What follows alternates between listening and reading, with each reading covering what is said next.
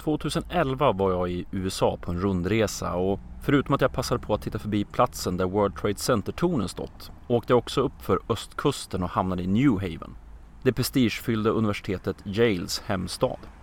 Väl där tog jag en tur runt staden för att titta på det man så att säga ska ha tittat på. Men jag gjorde en avstickare och det var för att kolla in ett speciellt hus på High Street som ligger runt hörnet från Yales konstmuseum. Här huserar nämligen sällskapet Skulls and Bones, ett av sju hemliga sällskap på universitetet. Just det här sällskapet är berömt på grund av att man har många mäktiga politiker som medlemmar. Till exempel hör både far och son George Bush till dess medlemsskara. Varför tog jag mig tiden att gå en omväg för att titta på ett förhållandevis fint men tråkigt hus då? Jo, förutom min fascination för konspirationsteorier så handlar det också om det kittlande i det faktum att de här sällskapen är just hemliga. Och med hemligheter kommer också konspirationsteorierna. Hemliga sällskap brukar vara i blickfånget när stora världshändelser sker. Ett anklagande finger riktas mot till exempel frimurarna och det pratas om att de fick saker och ting att hända i jakten på makt och pengar. Idag har turen kommit till att dra upp de här hemliga sällskapen i solljuset och se vad de egentligen ägnar sig åt. Så se till att ha det hemliga handslaget redo, kavajnålen fäst väl synlig och offerdolken redo. För ni ska vara ytterst hemligt välkomna till det här avsnittet av Kvalificerat Hemligt. Den här gången om de hemliga sällskapen, frimurarna och Illuminati.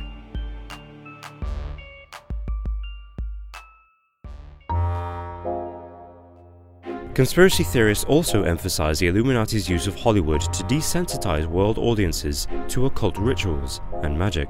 By exposing global audiences to these themes in the form of exciting entertainment, the Illuminati are apparently preparing the world for the coming New World Order. It's the all seeing eye.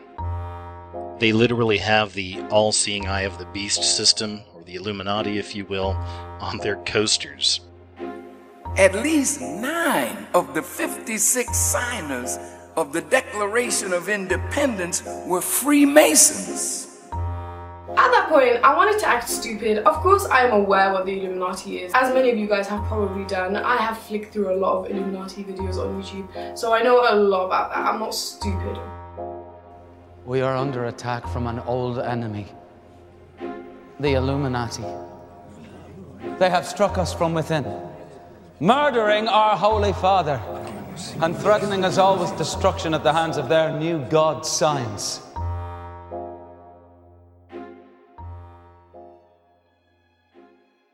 Det var under 1700-talet som de hemliga sällskapen kom att bli det nya svarta.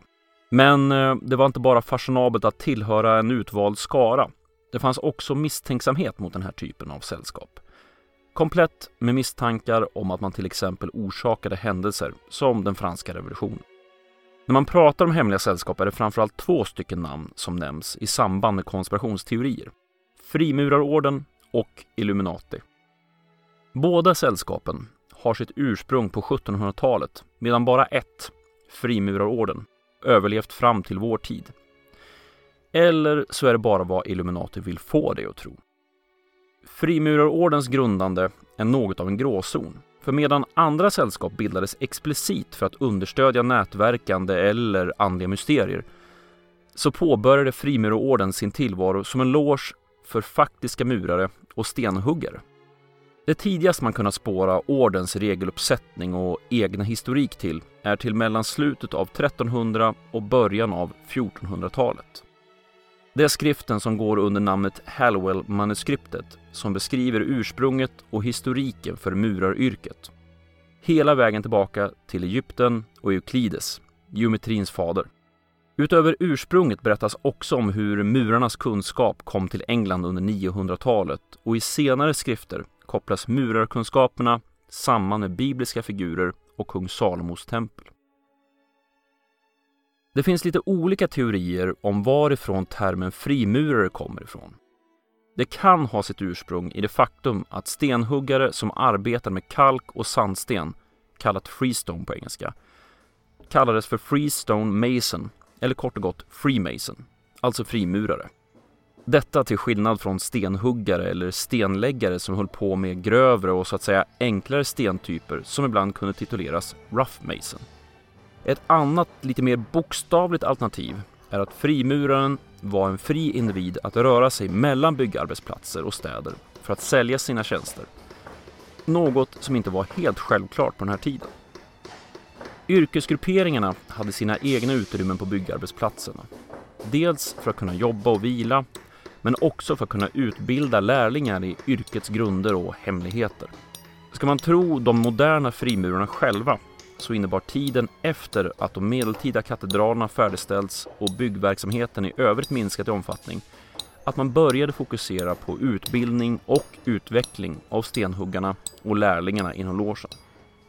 Det var också nu som fokus skiftade till mer teoretiska frågor och att utveckla personen i sig. Och under 15 och 1600-talet började också medlemskraven i logen att långsamt luckras upp. Det är inte längre bara stenhuggare som blir medlemmar, utan det börjar också dyka upp arkitekter i medlemslistorna.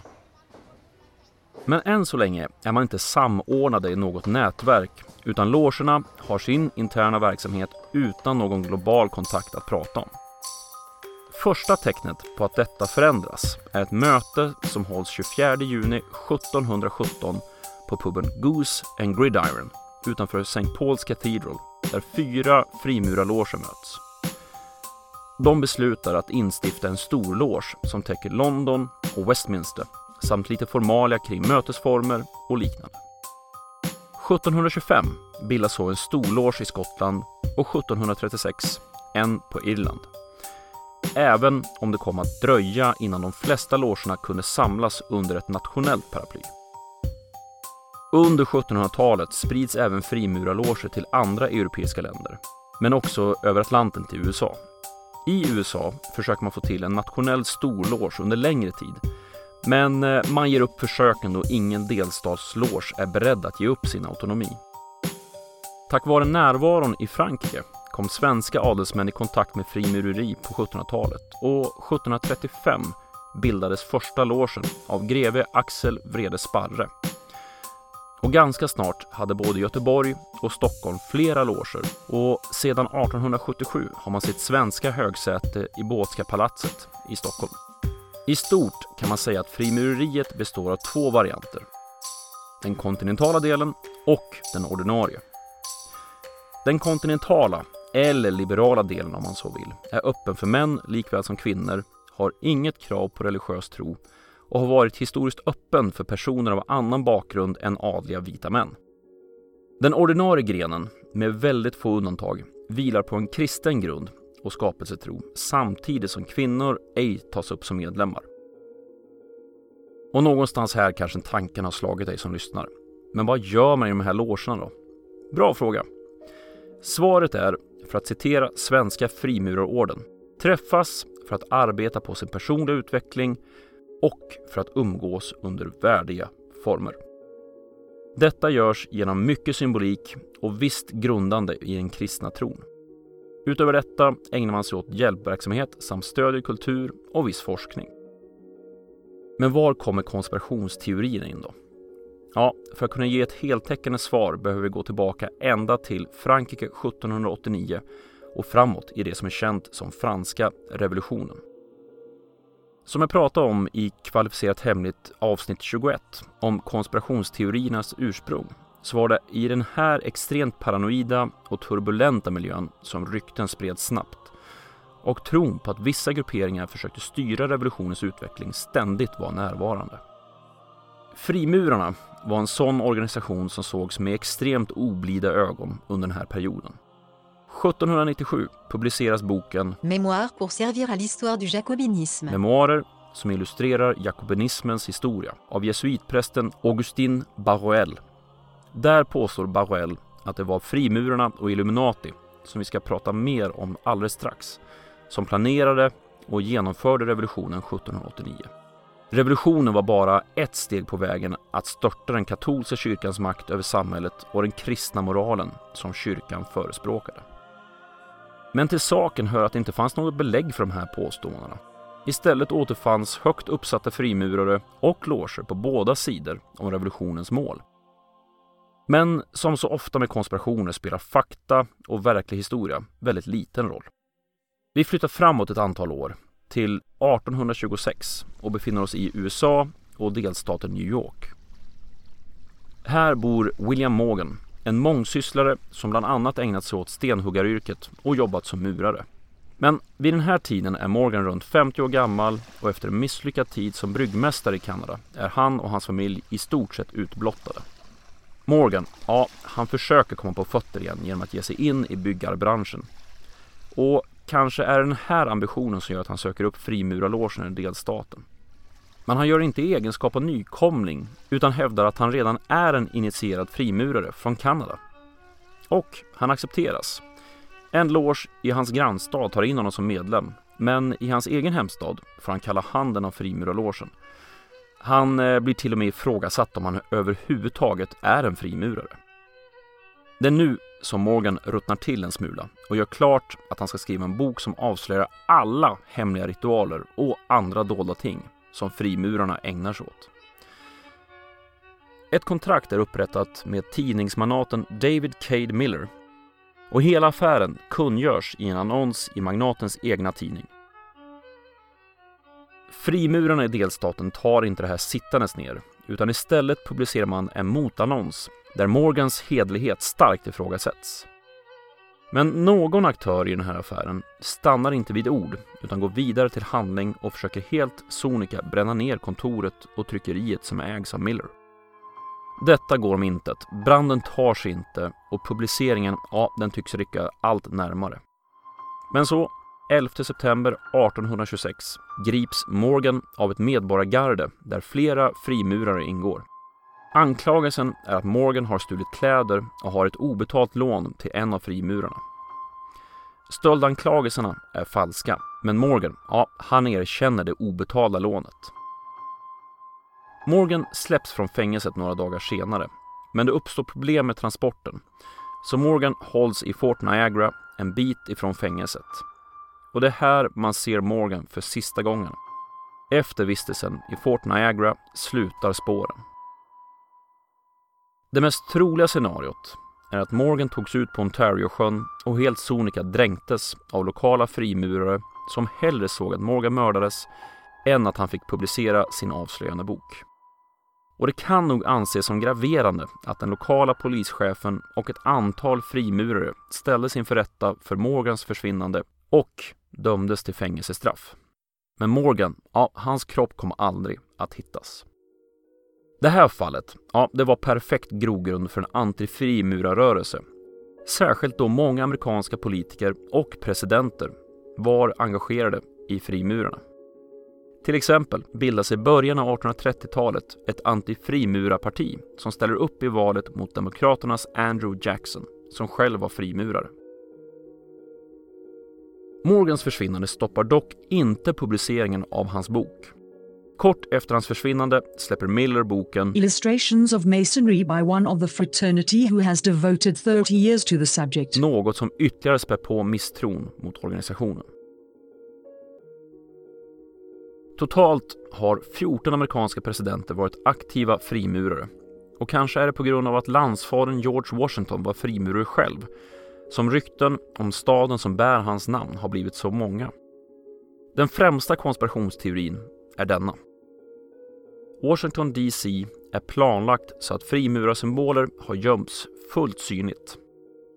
Kopplingen till det amerikanska presidentskapet är också uppenbar då fem gator, Rhode Island Avenue, Vermont Avenue, Massachusetts Avenue, Connecticut Avenue och K Street tillsammans bildar ett pentagram. En upp och nedvänd femuddig stjärna där den nedre spetsen pekar direkt mot Vita huset. Men tittar man på en karta över Washington DC så är det förhållandevis uppenbart att det här inte ser ut som en stjärna. Vissa gator går inte hela vägen fram och att så att säga kapar stjärnans ben. Så, vill man vara lite raljant så skulle man kunna säga att det här är ytterligare ett fall av där man ser tecken överallt som stödjer ens egna teorier istället för tvärtom. I avsnitt 18 av Kvalificerat Hemligt tog jag upp historien kring den antisemitiska skriften Sion Vises protokoll och dess utpekande av judar som intrigerande och ute efter global dominans.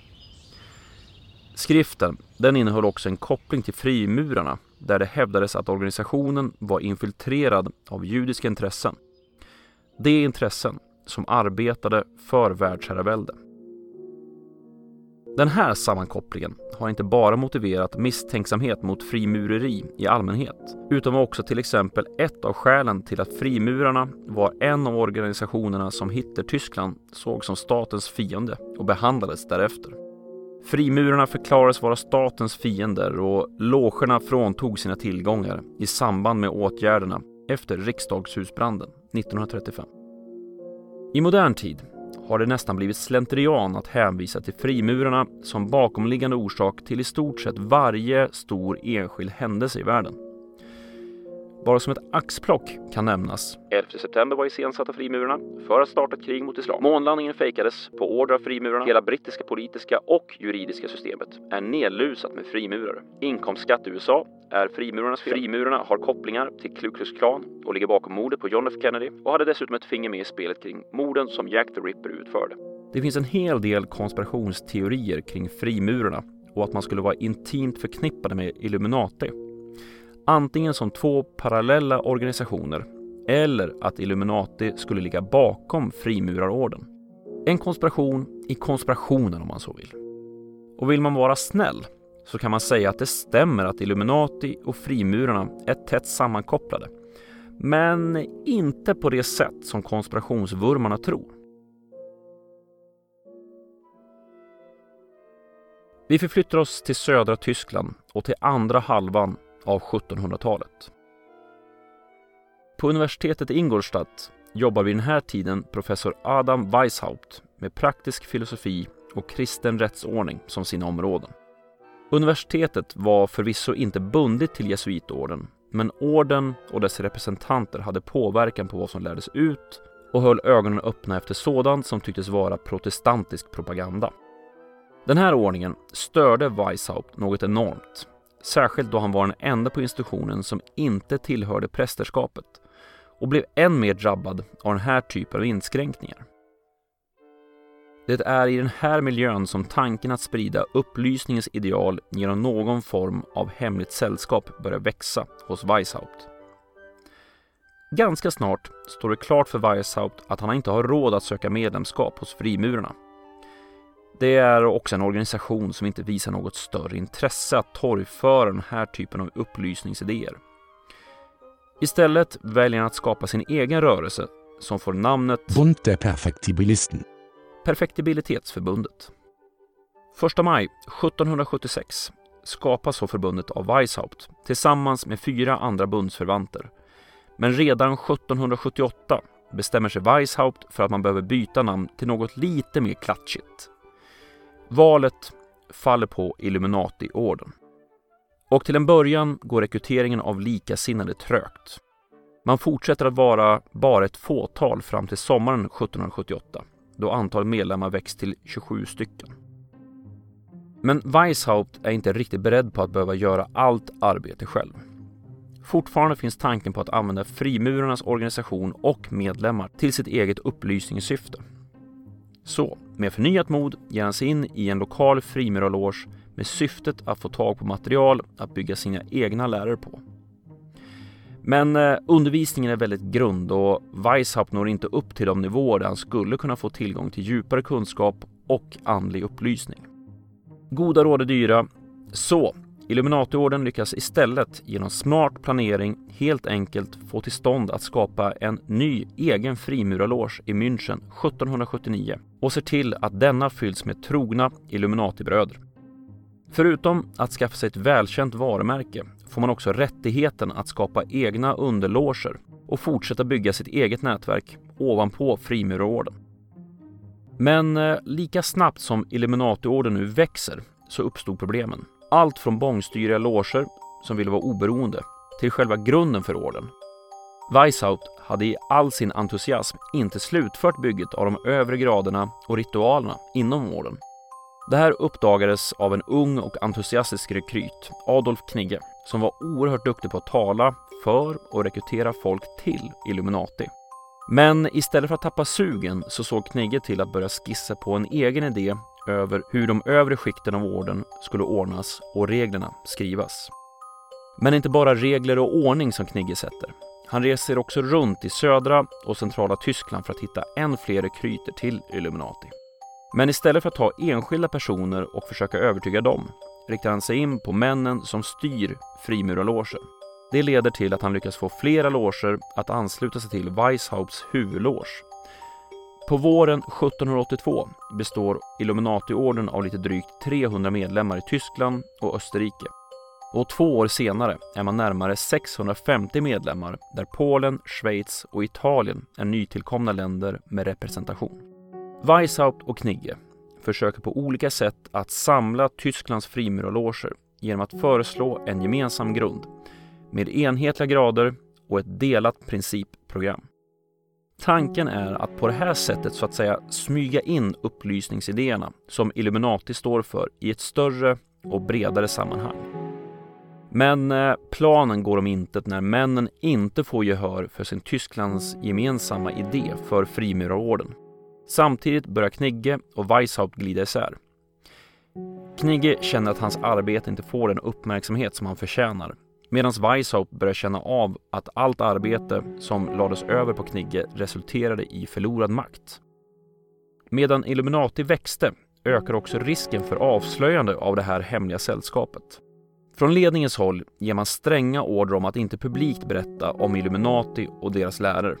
Men det är något som inte hörsammas och slutligen börjar samhället i stort få upp ögonen för sällskapets medlemmar och förehavanden. En av upptäckterna kring Illuminatis medlemmar är att de återfinns bland män med makt i samhället, bland annat inom rättsväsendet. Och det fanns tecken på att till exempel Illuminati-medlemmar som hamnade inför juridiska ämbetsmän, som också var medlemmar, behandlades bättre och fick mildare påföljder än icke-medlemmar.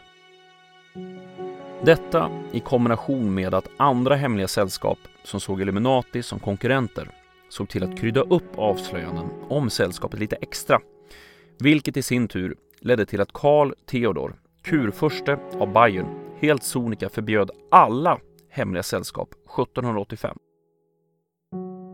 På grund av det här förbudet flydde Adam Weishaupt till staden Gotha i centrala delarna av dagens Tyskland. Rörelsens material och dokumentation beslagtogs av staten och eh, publiceras 1787 för allmän beskådan och därmed var också Illuminatiorden död som organisation.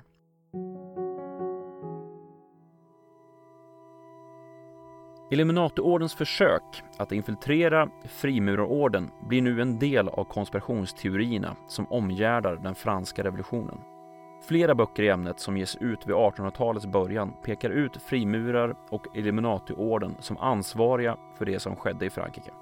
Dock eh, får det här utpekandet ingen större efterverkningar, förutom att det blir ammunition för antifrimurarrörelsen som blommar upp under 1820 och 30-talet. Och det här är de facto slutet för Illuminati-orden. Visst finns det andra hemliga rörelser som tar namnet och försöker driva vidare upplysningsidealen. Men eh, de här verksamheterna är väldigt små och lyckas inte nå något större medlemsantal. Men det faktumet påverkar inte synen på orden som en världsomspännande kraft som ligger bakom både det ena och det andra i världshistorien.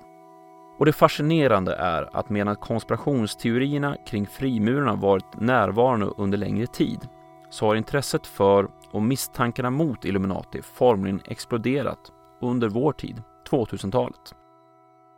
Och mycket av det här intresset skulle man kunna tillskriva en viss handgest som en viss populär hiphopartist använder sig av. Jay-Z, en av världens största hiphopstjärnor, ska enligt legenden ha skapat det som kommer att kallas för Rockefeller eller Diamond-gesten. Det innebär helt enkelt att händerna hålls upp med handflatorna framåt, tumme mot tumme och pekfinger mot pekfinger. Enligt legenden var det här för att symbolisera att hans debutskiva, Reasonable Doubt, slutligen skulle sälja diamant, det vill säga över 10 miljoner exemplar. Så gick det inte riktigt, men gesten används fortfarande av Jay-Z och hans följe. Men eh, alla tolkar inte det som en diamant eller en gest för Jay-Z's gamla skivbolag Rockefeller. Istället hävdar man att triangeln som formas mellan händerna skulle symbolisera en Illuminati-symbol, det som kallas för det allseende ögat. Symbolen, ett öga inuti en pyramid, har förvisso kopplats samman med frimurarorden, men aldrig varit en symbol för Illuminati. Det här har dock inte hindrat konspirationstroende för att se en koppling mellan musikindustrin, Jay-Z och hans än mer berömda fru Beyoncé till Illuminati. Det har till och med gått så långt att Beyoncé beklagar sig över konspirationsvurmandet i sin låt Formation.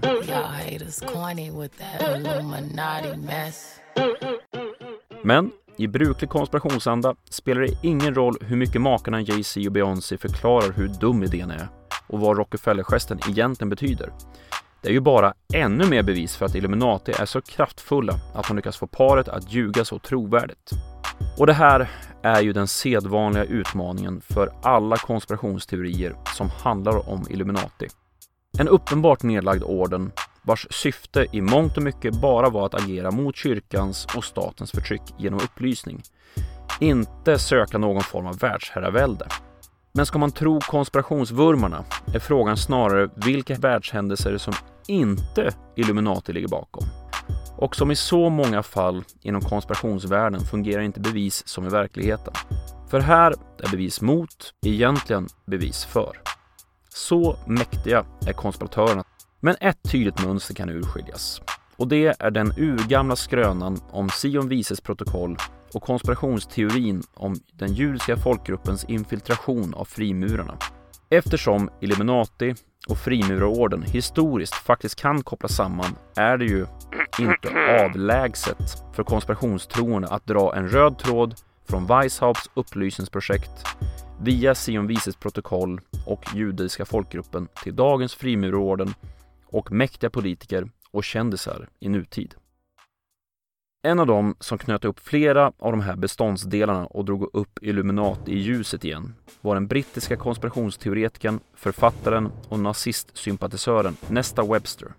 Redan 1922 släpper hon boken World Revolution, The Plot Against Civilization, där marxism, den judiska folkgruppen och Illuminati kopplas samman.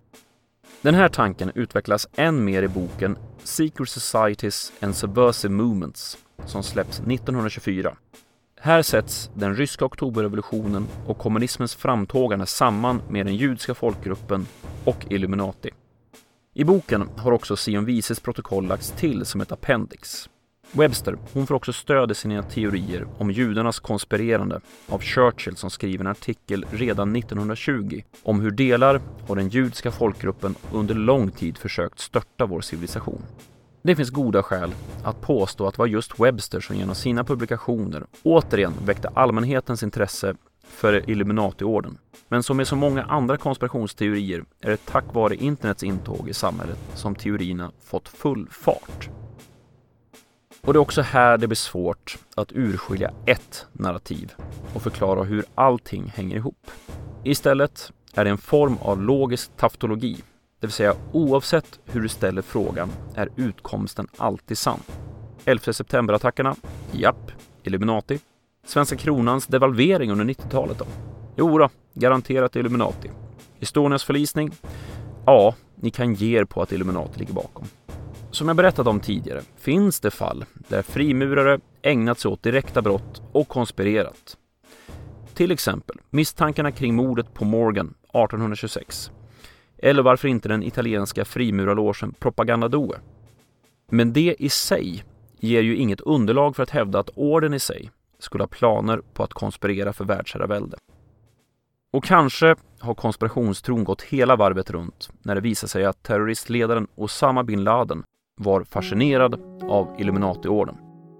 Efter att amerikanska specialstyrkor slog till mot bin Ladens tillhåll i Pakistan 2011 och tog med sig mängder av dokument, datorer och annan utrustning så gjorde CIA en grundlig genomgång av materialet.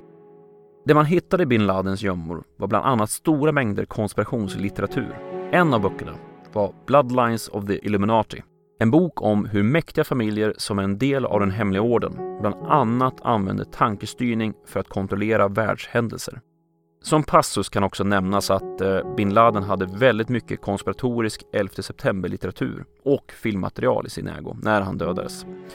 Vilket är ironiskt på så många plan.